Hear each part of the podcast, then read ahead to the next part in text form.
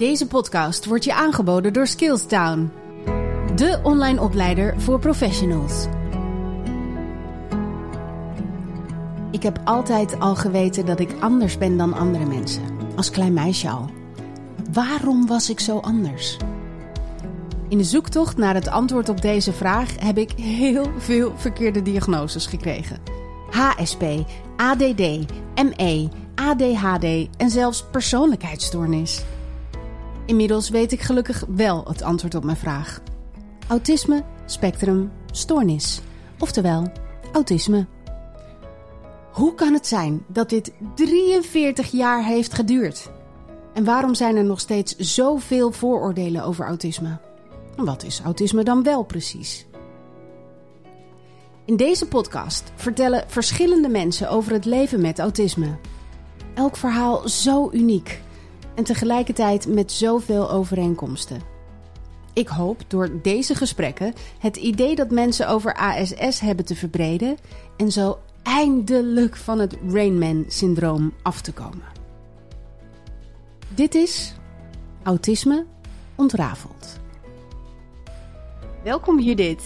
Dank je. Het is mijn wens om het beeld dat mensen hebben over autisme te verbreden. Eindelijk eens een beetje proberen korte metten te maken met al die verschrikkelijke vooroordelen die mensen hebben. En toen ik op het idee kwam om dit te gaan doen, moest ik direct aan jou denken. Het grappige is dat ik heb een aantal gasten gehad, maar jij bent de eerste waarbij ik echt het gevoel heb dat ik je al vanaf de basisschool ken. Dat komt natuurlijk door het geweldige boek dat je hebt geschreven, Zondagskind. Ja. Uh, hoe lang heb je erover gedaan om, om dat te schrijven? Even nadenken. Um, het verscheen in 2018. De eerste versie was af in 2017. En ik ben begonnen in 2015. Dus twee jaar het echte schrijven en één jaar herschrijven. Dus in totaal drie jaar. Wauw, dat is echt een heel project geweest. En wist je eigenlijk al instinctief toen je begon met schrijven dat het echt iets teweeg zou gaan brengen? Ik hoopte het. Het was zo dat voor die tijd. Ik, ik was al schrijver van andere boeken. En als je schrijver bent, dan geef je lezingen. En tijdens die lezingen werd er elke keer gevraagd: wanneer ga je een boek over autisme schrijven? Dus ik had wel een beetje het vermoeden dat er wel vraag naar was. Maar deze reactie, wat het nu teweeg heeft gebracht, had ik niet. Uh, het is groter dan ik, dan ik van tevoren had verwacht. Maar dat is wel heel fijn. Kun je eens omschrijven hoe het gegaan is? Nou, ik kreeg mijn diagnose van autisme op volwassen leeftijd. Ik was 34 of 36. Ik ben heel slecht met cijfers, maar ik was ergens in de 30. En, um, en ik was al schrijver. En dus het was voor mij. Um, ik begon erover te praten in interviews en zo, dat ik autisme had. En toen werd ik gevraagd om te gaan spreken over autisme, om lezingen te geven. Nou, toen werd er dus gevraagd om er een boek over te schrijven. En toen begon heel dat avontuur. Want hoe ga je een complete jeugd, het opgroeien, samenvatten in één boek? Dan moet je heel veel dingen weglaten en op andere dingen moet je echt weer inzoomen. Dat zijn best wel keuzes en afwegingen die je maakt. En gelukkig heb ik een heel goed geheugen, waardoor ik wel nog precies alles wist hoe het gegaan was. Alleen Zondagskind is een dik boek.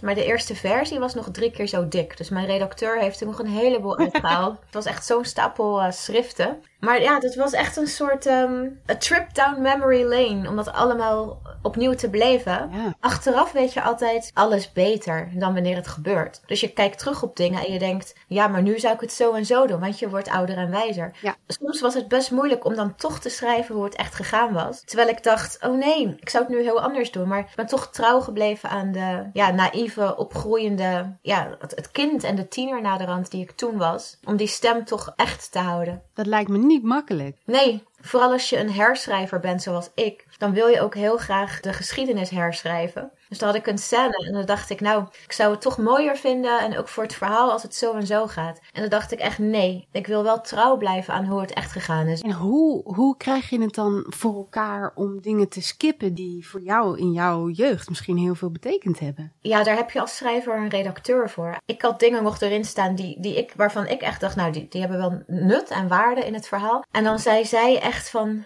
nee, dat moet je echt uithalen. En uh, dat, een, een buurvrouw en een buurmeisje, zelfs de parkiet is gesneuveld. Arme gompie, ja. Maar dat lijkt me dan nog ontzettend moeilijk. Dat, dat je dus niet eens zelf zegt van nou, dit stuk haal ik eruit, dat stuk haal ik eruit. Maar dat iemand anders gewoon keihard snijdt in jouw jeugd. Echt keihard. En zij is daar heel goed in. En het fijne daarvan is wel dat toen ik Zondags Leven ging schrijven, dat is het vervolg op Zondagskind. Toen dacht ik, mijn redacteur heet Lisanne. En ik dacht elke keer, wat zou Lisanne hiervan zeggen? En een hele, hele mooie en hele belangrijke rode draad in uh, eigenlijk al je boeken over autisme zijn jouw honden. Ik moet eerlijk zeggen dat ik echt keihard heb gehuild op de momenten dat je afscheid moest nemen van je honden. Ik ben zelf ook heel gek op honden, dus dat raakte me echt zo diep. Maar een van de dingen die me daarover het meeste is bijgebleven is de prachtige manier waarop jij Senta haar laatste momenten hebt laten beleven. Voor de mensen die dat boek nog niet hebben gelezen, kun je daar iets over delen? Ja, Santa was mijn, uh, mijn eerste hond. En voor mijn gevoel was ze mijn zus, want ik kreeg haar toen ik twee was. En we zijn samen opgegroeid. En ja, als je samen opgroeit in één gezin, ja, dan ben je eigenlijk een soort zusjes van elkaar. Dus zij was mijn zus en mijn beste vriendin. En we deden alles samen. Ze sliep bij mij, ze at bij mij. Want ik at altijd op mijn eigen kamer, want het was, waren te veel prikkels anders voor mij. Dus ze was altijd bij mij. En um, dat betekent dat zij ook altijd bij mij was als ik aan het eten was en aan snoepen was. En ik at altijd heel veel chocola. Nu nog steeds, maar toen ook. En altijd wilde zij ook een beetje chocola. Maar chocola is giftig voor honden. Dus zij, zij mocht dat niet. En dat vond ik altijd heel zielig dat ik dan nee moest zeggen, weet je wel. En toen kwam het moment, dat, dat vertel ik nu heel luchtig, maar dat was toen echt het, het ergste wat ik ooit had meegemaakt. Toen kwam het moment dat we haar moesten laten inslapen. En toen was ik uh, of 15. En toen dacht ik, hoe kan ik zo'n vreselijk moment voor haar toch mooi maken. Ik ga ervoor zorgen dat zij eindelijk haar chocola krijgt. En toen had ik een pot uh, chocoladepasta, dus Nutella. Die gaf ik aan haar. En ze duwde heel haar neus erin en ze was helemaal blij. En op dat moment kreeg ze haar prikje. Dus zij is eigenlijk in slaap gevallen met haar neus in de chocoladepasta, kwispelend. En ze heeft nergens wat van gemerkt verder. Dus ik dacht, ja, dan kan ik dat in elk geval voor haar doen. Dat ze op een hele blije manier in slaap valt. En ja, voor mij was het heel erg moeilijk. Het is echt een understatement wat ik nu zeg. Maar voor haar was het, um, denk ik, de mooiste manier waarop ik haar kon laten gaan. Ik vind het zo bijzonder. Niet alleen dat je dat bedenkt, maar ook dat je dat op het moment dat jij zelf zoveel pijn ervaart en zo in een heftige tijd zit en je was pas 15, dat je zoiets kan bedenken. En het eerste wat dan in mijn hoofd schiet is, en dan zeggen ze dat mensen met autisme geen empathie kennen. Oh, precies. Ja, oh, precies. Hoeveel empathie zit er niet in dit kleine stukje van jouw leven? Ik vind dat heel bijzonder. Ja, mooi dat je dat eruit pikt. Ja, dank ja, je. Ja, heel mooi. En als je kijkt naar jouw dagelijks leven nu, want je hebt inderdaad ook een vervolg geschreven, dat heet dan Zondagsleven. Dat gaat weer over hè, de periode na Zondagskind, je, je wat meer volwassen leven, als ik het zo goed omschrijf. Wat zijn dan de dingen die je vertelt die jou het meest beperken? Ik heb een heel autisme-proof leven gecreëerd voor mezelf, waarin ik eigenlijk alleen maar mensen zie als ik lezingen geef. En verder leef ik heel erg in mijn eigen wereld met mijn honden en mijn man. Maar als het dan toch ter sprake komt, ja, waar ik het meest last van heb, dat zijn juist die sociale interacties en de overprikkeling. Dus dat probeer ik zoveel mogelijk te beperken. Ik vind het heel heftig om uh, met iemand af te spreken, bijvoorbeeld. Omdat dat is echt een aanslag op mijn hoofd alles wat er dan gebeurt. Je, zo'n persoon praat, je, je moet luisteren, wat, wat zegt die persoon. Maar je zit niet, kijk, stel dat je samen in een donkere kamer zit en dan ben je aan het praten. Dan zou ik het nog kunnen handelen. Maar in het gewone leven zit je niet samen in een donkere kamer. Je, zit, je bent in de wereld en er gebeurt van alles om je heen. En er zijn andere mensen en geluiden. Ik wil ook altijd mijn honden in de gaten houden. En dat, dat voelt alsof ik een marathon moet rennen in mijn hoofd. Mhm. Waar ik dan echt een week van moet bijkomen. Dus ja, dus ik zie echt, ik zie niet zoveel mensen eigenlijk. Nee. En ik denk ook dat dat misschien wel een van de meest onderschatte dingen is bij mensen met autisme. De verlammende vermoeidheid door de overprikkeling. Ja, ja. Ik kan me nog herinneren dat ik ook echt heel erg onder de indruk was van hoe jij uh, jouw interacties en je migraines daarna omschreef in, in je boek als klein meisje. Ja. Heb je dat inmiddels wat meer onder controle? Nou, ik heb nu medicijnen. Wat, wat migraine is, is dat dan gaan de, zeen, de bloedvaten in je hoofd, die zwellen op. En dan bonken ze met elke hartslag tegen je hersenen aan. En die pijn, dus elke hartslag is een pijnscheut die is eigenlijk ondraaglijk. Je hebt gradaties. Je hebt ook mensen die hebben een milde migraine, dus die kunnen nog wel gewoon praten of functioneren, maar die hebben dan gewoon hoofdpijn.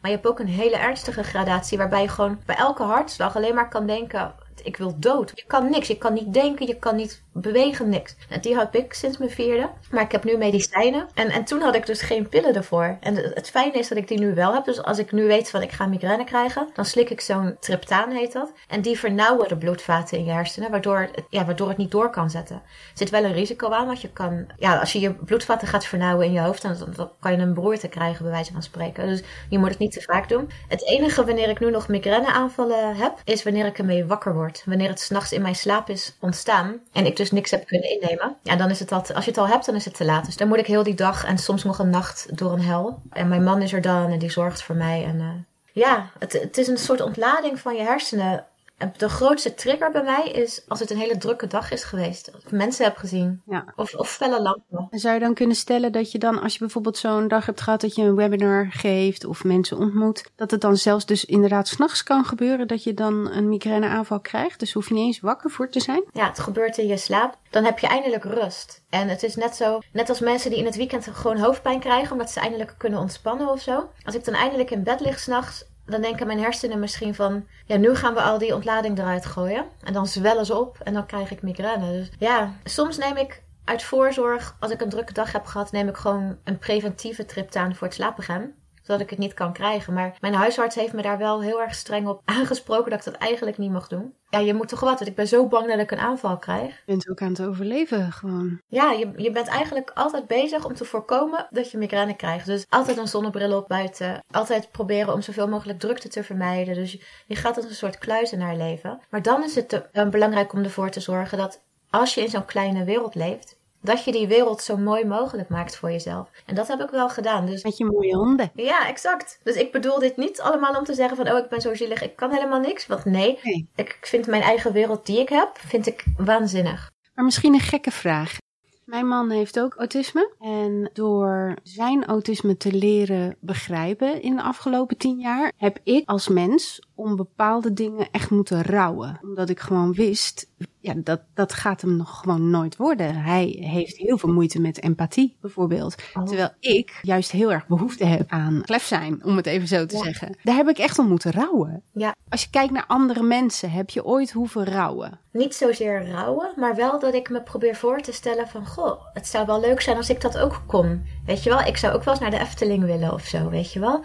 Of, of Disneyland, dat, dat, want ik, dat lijkt me dan heel erg leuk. Maar dan, ja, al die andere mensen, dat houdt mij dan toch tegen. Ja, en dat met empathie, ik denk dat dat echt een verschil is tussen hoe het zich bij mannen uit en hoe het zich bij vrouwen uit. Mhm. Want ik heb wel eens het idee dat ik juist te gevoelig ben en te veel empathie heb. En een, een man met autisme, die, ja, dat is grappig hoe dat werkt in die hersenen. Die hebben dat toch op een andere manier. Ja. Ik probeer mij te focussen op dingen die wel kunnen. En daar dan gewoon een feestje van te maken. Maar ja, natuurlijk, er zijn ook als ik een film kijk, dan denk ik wel eens, goh, dan zie je mensen in New York wonen of zo, weet je wel. Of, of op oudejaarsavond met z'n allen bij elkaar komen. Dan denk ik, ja, dat ziet er best gezellig uit. En ik zit dan met mijn hondjes op de bank. Maar dan denk ik, ja, nou ja, ik heb het ook heel goed, weet je wel. Ja, precies. Hoe denk jij dat het komt dat anno 2021 we het nog steeds moeten hebben over het feit dat jij pas op je dertigste ergens gediagnosticeerd bent? Dat ik zelf anderhalf jaar geleden heb ontdekt dat ik autisme heb, terwijl ik ook echt wel om hulp heb gevraagd tijdens mijn leven. En eigenlijk 45% van de vrouwen op latere leeftijd een diagnose krijgen als ze hem al krijgen. Hoe kan dat? Ik denk dat vrouwen heel goed zijn in, ik wil niet zeggen een toneelstukje opvoeren, maar wel om een bepaald ja, ik wil ook niet zeggen een masker te dragen, maar toch een beetje mee te gaan in hoe het hoort. En dat kunnen we best lang volhouden, tot het in één keer echt helemaal niet meer gaat. En dan loop je vast. En dat het bij mannen eerder wordt ontdekt, is dat zij daar gewoon niet aan meedoen, denk ik. Mhm. Kijk, ik vind het bijvoorbeeld heel belangrijk om aardig te zijn. Mhm. Het is niet aardig om mensen altijd buiten te sluiten. Dus ik heb heel lang geprobeerd om dat niet te doen, omdat ik mensen niet wil kwetsen. Maar op den duur kwets je eigenlijk alleen maar jezelf. Ja. Omdat je niet trouw bent aan, aan wat jij nodig hebt en aan wie je werkelijk bent. Dus ja, ik denk dat degene die het zouden moeten merken aan je, of de mensen in de psychische gezondheidszorg, ja, die laten zich misschien ook gewoon een beetje voor de gek houden. Ja, absoluut. Ja, en als je erover nadenkt, hè, als je kijkt naar bijvoorbeeld een meisje van vier die jarig is versus een jongen van vier die jarig is. Het jongetje krijgt vaak een auto om mee te spelen en een meisje krijgt dan een pop. Ja. Daar ga je voor zorgen. Ah, de pop is aan het huilen. Ah, ga maar troosten. En mensen zeggen vaak tegen mij, goh, je bent zo sociaal. Hoe kun je nou autisme hebben? En dan denk ik altijd, ja, ben ik sociaal? Of doe ik sociaal? Want ik denk dat daar wel echt een heel groot verschil in zit. Ja, ja, exact. En ook, um, maken die mensen jou 24 uur per dag mee? Nee. Dus als iemand jou af en toe een paar uurtjes ziet, wanneer jij echt je best doet om de beste versie van jezelf te zijn, en dat is alleen maar wat zij zien, ja, van mij zullen ze ook zeggen: Judith is zo gezellig en, en zo vrolijk. Maar zij zien mij een uurtje. En zij zien niet hoe ik daarna op bed lig. Bij te komen, weet je wel? Ja, nou, ik denk dat ik sowieso nog wel zes uur met je zou kunnen doorkletsen over dit onderwerp. Omdat we er gewoon allebei wel echt een passie over hebben. Maar het lijkt me heel leuk om wat stellingen uh, bij je neer te leggen als je dat goed vindt. Ja. En dan gewoon eens kijken of jij datzelfde ook hebt. Ik heb wat dingen uit mijn eigen leven opgeschreven. De eerste is, uh, maskeren is mijn grootste kracht en valkuil tegelijk. Oh, ja, daar kan ik me wel in vinden. Want wat ik net zei, stel ik kom toch een keer onder de mensen en ik ben bij iemand thuis of ik ga met iemand lunchen. En na 10 minuten ben ik al helemaal op. Dan ga je dat niet zeggen tegen die persoon, want dat is kwetsend voor die persoon. Dus dan ga je doen alsof je het naar je zin hebt en dat je het leuk hebt. Terwijl van binnen denk je alleen maar ik wil weg hier en ik wil naar bed of ik wil in het bos gaan zitten. Dus dan ben je aan het maskeren. En dat doe je voor de ander. Terwijl we zogenaamd niet empathisch zijn, maar we doen het voor de ander. Ja. En het is je valkuil, want daarna is de, de nasleep is des te heftiger. Ja, ik kan me daar wel in vinden in die stelling. Ik heb vaak last van slaapaanvallen. Oh, bij mij is mijn autisme ontdekt omdat ik tijdens mijn rijles, autorijlessen in slaap viel door overprikkeling. En dat rijbewijs is er nooit gekomen, want dat, dat is veel te. Dat verkeer. Het verkeer is één grote overprikkeling voor mij. Ik zie dingen één voor één en niet allemaal tegelijk. Maar ik viel in slaap en toen zei mijn instructeur van joh. Laat je eens een keer onderzoeken, want misschien is er wel een pilletje voor wat jij hebt. Nou, bleek dus autisme te zijn. Maar ja, slaap, absoluut. Absoluut. En wat ik heel vaak doe als ik denk, ik wil even bijkomen van iets heftigs. Dan denk ik, nou, ik ga gewoon even op de bank liggen met een luisterboek. Ga ik even ontspannen. Na nog geen minuut slaap ik al. Ja. Ja. En ik hou heel erg van luisterboeken, maar ik val, ik val er gewoon bij in slaap. Dus ja, ook heel herkenbaar. Ik ben chronisch overprikkeld. Jeetje, het lijkt wel alsof het over mij gaat, joh. Ja, ik ben chronisch overprikkeld. Klopt. Een normaal iemand zou denken, wat een mooie dag vandaag, kijk hoe de zon schijnt. Dan denk ik, oh my god, de zon schijnt. Want ik vind het een heel lekker gevoel om de zon op mijn armen te voelen of op mijn benen, maar niet op mijn hoofd.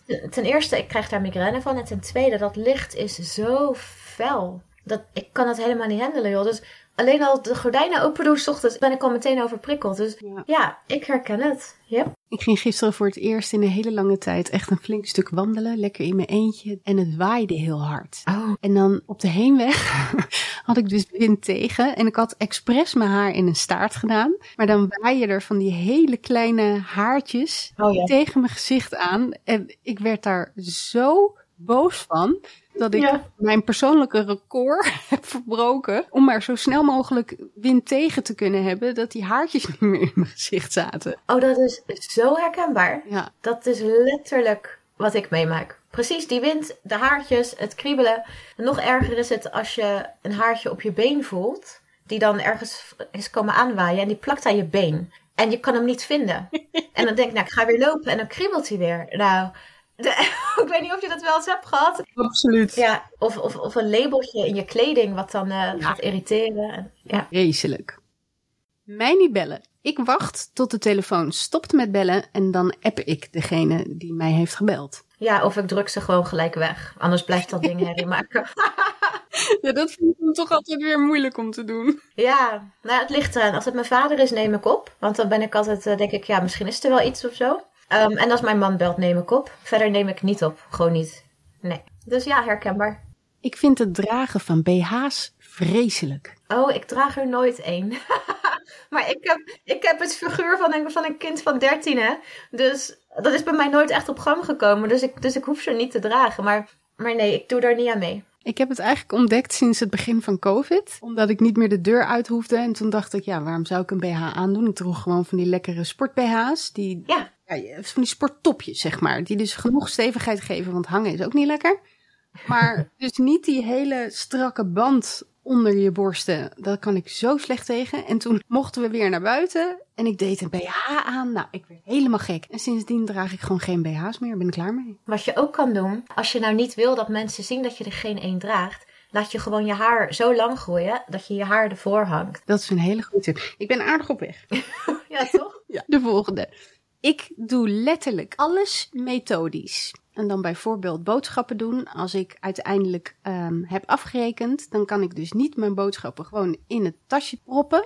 Maar dat moet dan als een soort van tetris, allemaal op een hele logische manier, totdat die zak vol is en dan ben ik tevreden. Oh, wauw. Ik denk als ik boodschappen zou doen, zou dat ook zo zijn. Maar ik ben denk ik al 15 jaar of zo niet in een supermarkt geweest. Ik stuur een lijstje naar mijn man. Ik vind het wel heel leuk om zo'n lijstje te maken, wat we allemaal mhm. nodig hebben. En hij gaat het halen. En mijn excuus is dat ik geen rijbewijs heb. En ik woon op een dorp. Dus het is best een eindje rijden om boodschappen te doen. En dan gaat hij het halen. Dus nee, maar ik denk wel dat het zo zou gaan. Uh, zoals jij. Maar ik, ik, ben wel heel blij dat ik er niet meer hoef te komen hoor. Wat een ellende, de supermarkt. Het is ook vreselijk. Iedere keer als je er komt, dan hebben ze weer van alles verplaatst. Terwijl dat juist mijn houvast is. Dan denk ik, ik weet nu waar alles ligt. En dan ligt alles weer op een andere plek. Erg hè? En dan die muziek. Deze hoort een klein beetje bij. Ik houd heel erg van symmetrie. Ja, maar niet, niet zo extreem als de meeste mensen denken wanneer het over autisme gaat. Mensen denken bij een autist van, oh, die, die slaat helemaal op tilt als er een schilderijtje scheef hangt. Nou, ik zou hem wel recht hangen. Maar het is niet dat ik, dat ik helemaal uh, gek word of zo als die niet recht hangt. Dus kijk, je moet jezelf ook een beetje, ja, een beetje relaxed voor jezelf houden. Anders word je gek, want de wereld is niet symmetrisch. Dus dat probeer ik wel los te laten. Maar ik heb wel bijvoorbeeld als ik uh, kaarsjes ga kopen voor de, voor de winter om het gezellig te maken, dat het er dan altijd twee zijn. En als ik in een hele gekke bui ben, misschien een keer drie dezelfde, maar nooit vier of één. Oh, nee. Nee, oké. Ja, daar kan ik wel inkomen. Het moet wel, uh, ja, moet wel kloppen. Ik heb een hekel aan douchen. Eindelijk eentje waar ik het niet mee eens ben. Ik kan, als ik, als ik een hele drukke dag heb gehad, dan, dan heb ik het gevoel, dan ga ik juist, normaal douche ik ochtends, maar na een drukke dag douche ik ook s'avonds, omdat ik dan het gevoel heb, als ik onder de douche sta, dan probeer ik mij voor te stellen dat alles van die dag van mij afspoelt. En dan sta ik echt met mijn ogen dicht en dan denk ik, ja, alles spoelt van me af, alles spoelt weg. Dat geeft een bepaalde rust. Ik heb heel erg, vooral in de winter, dat je dan zo heel erg van heel koud naar heel warm gaat. Dat vind ik heel heftig. En ook wel die, die druppels op je huid. Een dag werken kost minder energie dan een verjaardag. Oh, nou ja, ik ga dus ook, net als de supermarkt, ik ga niet meer naar verjaardagen. Ik kan me niet herinneren wanneer ik voor het laatst op een verjaardag ben geweest. Nou ja, van mijn vader natuurlijk, maar dat is, ja, dat is anders. Dat is gewoon thuis. Ik denk dat ik al zeker twintig jaar niet op een verjaardag ben geweest. Ja, wauw. Ik ben daarmee gestopt. Zo'n hele kamer vol met mensen, die gaan echt niet wakker liggen dat jij er niet bent. Dus je moet het jezelf ook niet opleggen dat je er per se heen moet. Gewoon niet doen. Gewoon niet meer gaan. Nooit meer doen. Gewoon niet meer doen. Niet doen. Sonja? niet doen. Ik kan het niet beloven, maar ik ga in ieder geval misschien iets selectiever zijn. Misschien is dat een goed begin. Ja. Ik heb er nog twee. Ik kopieerde als klein meisje gedrag uit mijn favoriete films en series, omdat ik geen idee had hoe ik me moest gedragen. Oh ja, ja, dat klopt. En aan de ene kant denk ik dat iedereen dat als kind wel een beetje doet.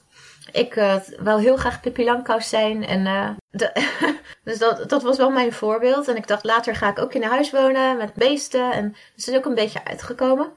Maar ja, inderdaad, als je niet weet hoe het moet. En niet alleen gedrag, maar ook uitdrukkingen en gezegdes. En uh, ik kon als kind al heel goed Engels, omdat iets kijken met ondertiteling, dat kan ik niet. Want dan moet ik en opletten en lezen. Dat kan ik niet tegelijk. Dus ik heb mezelf Engels, Amerikaans-Engels leren spreken op die manier. En dat heb ik ook denk ik gewoon overgenomen door het na te doen. En uh, ja, dat, die voorbeelden zijn wel, um, heb ik wel veel aan gehad. Ja, mooi is dat.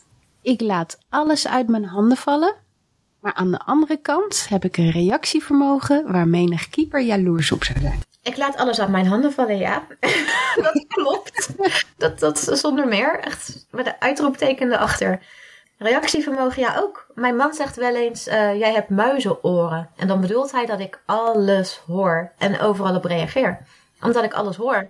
En hij hoort dan ergens in de verte een geluidje. Maar voor mij voelt het alsof, ze staat te beuken op mijn hoofd. Maar ik moet, kijk, ik loop buiten met drie wolfhonden. En dan moet je ook heel erg alert zijn. Want je krijgt altijd te maken met interacties met andere honden. Heel veel honden die mijn roedel tegenkomen, die zijn bang. Omdat zij drie wolven zien. En zo'n andere hond schiet in de stress. Die baasjes die schieten in de stress. Daar moet je op inspelen. Of je denkt, nou hier loop ik even omheen.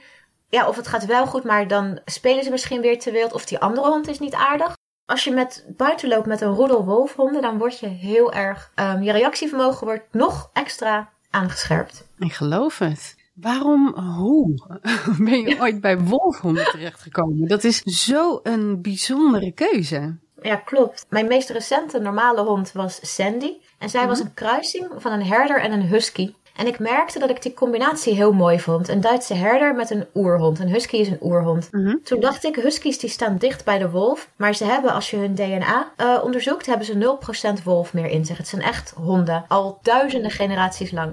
Toen ontdekte ik dat er ook wolfhonden bestaan. En die staan maar een paar generaties van de wolf af. Dus dat is niet te vergelijken met een husky. En dat, toen woonde ik nog in Rotterdam. En toen wist ik, ooit heb ik een wolfhond. Maar ik wilde wel eerst verhuizen waar ik nu woon. Weet je, ook kan je bij de natuur en het strand. En het was een wens, want ze zijn zo duidelijk in hun lichaamstaal. Ze zijn heel gevoelig. Nog slimmer dan een gewone hond. Dus ja, toen had ik er één, Jurico. Nou, toen dacht ik, god, twee is eigenlijk wel leuker. En toen dacht ik, nou, drie is nog leuker.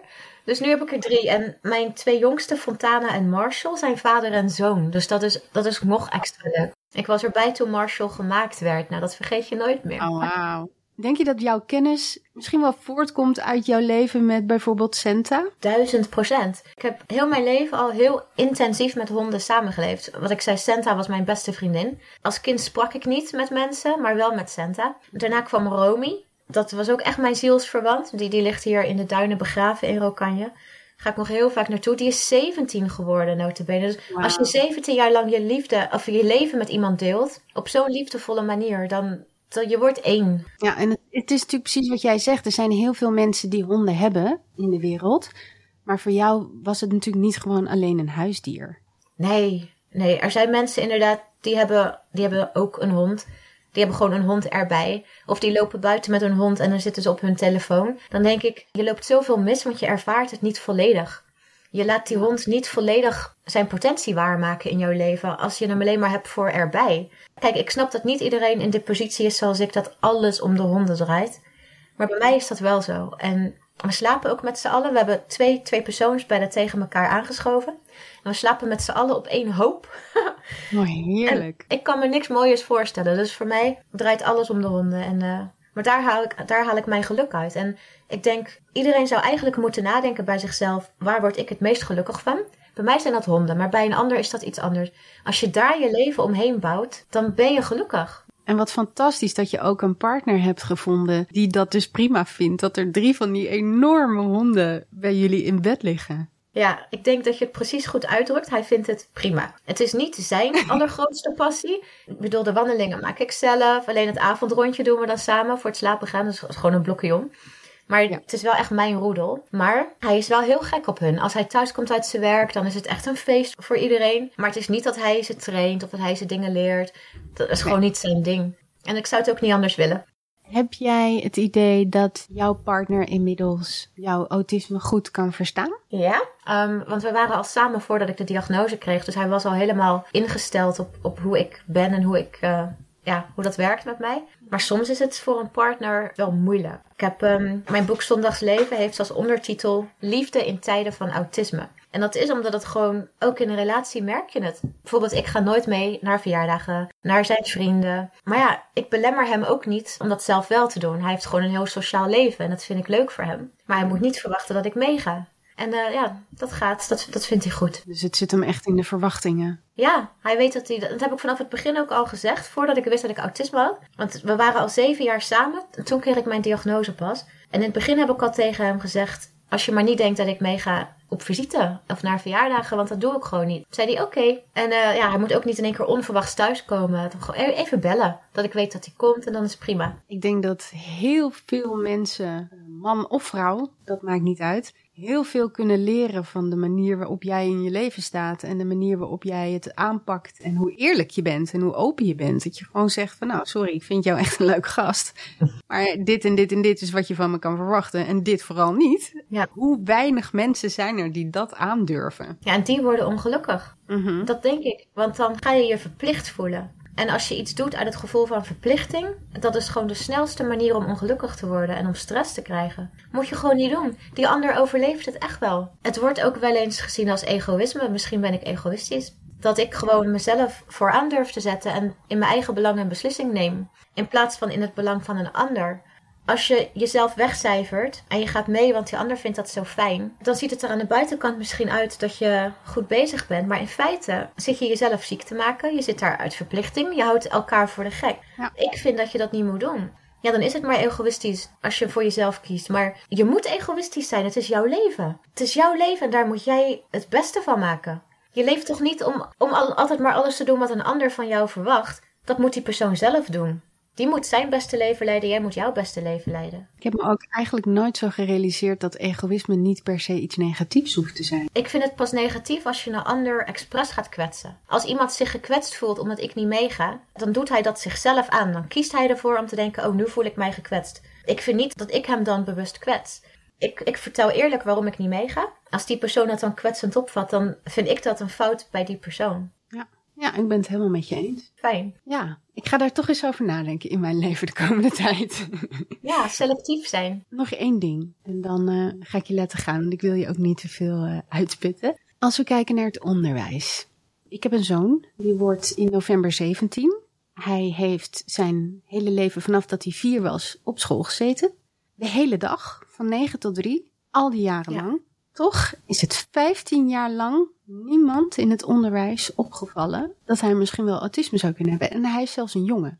Er moeten dingen veranderen in het onderwijs, mijns inziens, om kinderen te kunnen helpen en beter te kunnen ondersteunen. Ik bedoel, in jouw boek beschrijf je ook heel veel over hoe heftig het voor jou was om op school te zijn. Ja. Maar waar denk je dat je dan zou moeten beginnen? En is het überhaupt mogelijk om, om dat hele systeem zo te veranderen? Ik hoop dat als er dan iets positiefs uit heel die corona-ellende is gekomen, dat we met z'n allen hebben gezien dat het, dat het anders kan. Dat je ook thuisonderwijs kan volgen. Helemaal in deze tijd met internet. Kijk, ik vind het voor neurotypische kinderen, vind ik het heel goed voor hun ontwikkeling dat ze met z'n allen daar in zo'n klasje zitten. En die vinden dat leuk, mooiste tijd van hun leven, leuk. Maar als dat te veel voor je is, en voor mij was het ook te veel, dan vind ik dat het, eh, ja, dat het nu toch wel bewezen is dat het ook anders kan. Dat je gewoon via de computer les krijgt, of weet ik het, wat voor manieren er zijn. Maar dat je niet per se elke dag in zo'n gebouw hoeft te zitten, Nee. waar je helemaal kapot gaat. Dus ja, thuisonderwijs. En ik denk ook zeker dat het belangrijk gaat worden in de toekomst dat de leraren en leraressen beter geïnformeerd gaan worden over wat autisme precies inhoudt. Ja, En ik denk dat role models, om het even zo te noemen, net als jij daar een prachtige bijdrage in, eh, in geven. Eigenlijk zou iedere leraar en lerares in Nederland Zondagskind moeten lezen, vind ik. nou ja, dat vind ik ook eigenlijk. Dat dat op iedere school, voordat je aangenomen wordt, dat je eerst het boek leest, omdat je dan kunt begrijpen en kunt detecteren. Ja, precies. En als mensen het wel zouden weten, stel dat je wel echt fysiek naar school blijft gaan, dan zijn er heel veel aanpassingen mogelijk om het toch draaglijk te maken. Ik mocht bijvoorbeeld in de pauze niet op de gang zitten, want dat mag niet. Je moet naar de aula waar het zo druk is, terwijl op de gang is het rustig. Of laat ze een, een, een leegstand lokaal waar je dan mag zitten in de pauze, dat je even kan bijtanken. Of dat er niet continu zo'n harde bel gaat. Weet je, er zijn zoveel aanpassingen mogelijk. Of misschien, je zit overdag op school. Niet s'avonds, niet s'nachts, overdag. Dan is er daglicht. Waarom moeten er dan toch van die TL-buizen branden heel de dag? Thuis heb je ook overdag de lamp niet aan. Je hebt daglicht. Dat zouden al heel veel prikkels schelen. Bijvoorbeeld ook elke 50 minuten moet je naar een ander lokaal in het middelbaar onderwijs. Het is toch veel logischer als jij gewoon heel de dag in hetzelfde lokaal blijft. En dat die leraren gewoon steeds naar een ander lokaal gaan. Ik snap als je praktijkvakken hebt, dat je bepaalde lokalen nodig hebt. Er is nog heel veel te doen, Judith. Heel veel. Ja. Ik ben nog over één ding nieuwsgierig. En dan ga ik je echt laten gaan, want ik kan nog uren met je praten. Nu heb je Zondagskind geschreven, je hebt Zondagsleven geschreven. Komt er nog een vervolg? Nee, ik denk dat ik qua boeken dat alles nu wel verteld is. Want Zondagsleven houdt op als je als in Erokanje woont en schrijver is en het eigenlijk allemaal voor elkaar heeft. Ja. En dat is mijn leven nu. Dus daar is weinig aan toe te voegen. Maar wat ik misschien wel eens overweeg is misschien een blog te beginnen over dingen in het dagelijks leven waar je dan tegenaan loopt. En die ik dan kan uitvergroten in een blog. Dat over, of een column, dat overweeg ik. En ik blijf natuurlijk lezingen geven erover. Maar qua boeken, ja, ik denk dat ik om een heel boek te vullen, dat het pas weer kan als ik, als ik bejaard ben of zo. Dus dat duurt nog even. Geloof je dat? Want dan kan ik die ook weer gaan lezen met heel veel plezier tegen die tijd. Ja, dan zijn we oud en grijs. Als we 80 zijn. Ja, dat is een goede deal. Doen we. Heel erg bedankt voor je tijd en liefde en openheid. Ik vind het echt heel bijzonder, uh, nogmaals, dat jij zo een um, ja, prachtig uh, role model bent voor hoe het ook kan in het leven. En dat je vooral bij jezelf moet blijven. Dus heel erg bedankt voor je tijd. Ja, jij bedankt. Mochten jullie nog vragen hebben over autisme, dan kun je altijd mailen naar sonja.silva.skillstown.com. En volgende week is er natuurlijk weer een nieuwe aflevering. En dan uh, gaan we het weer hebben over dit bijzondere onderwerp. Tot dan.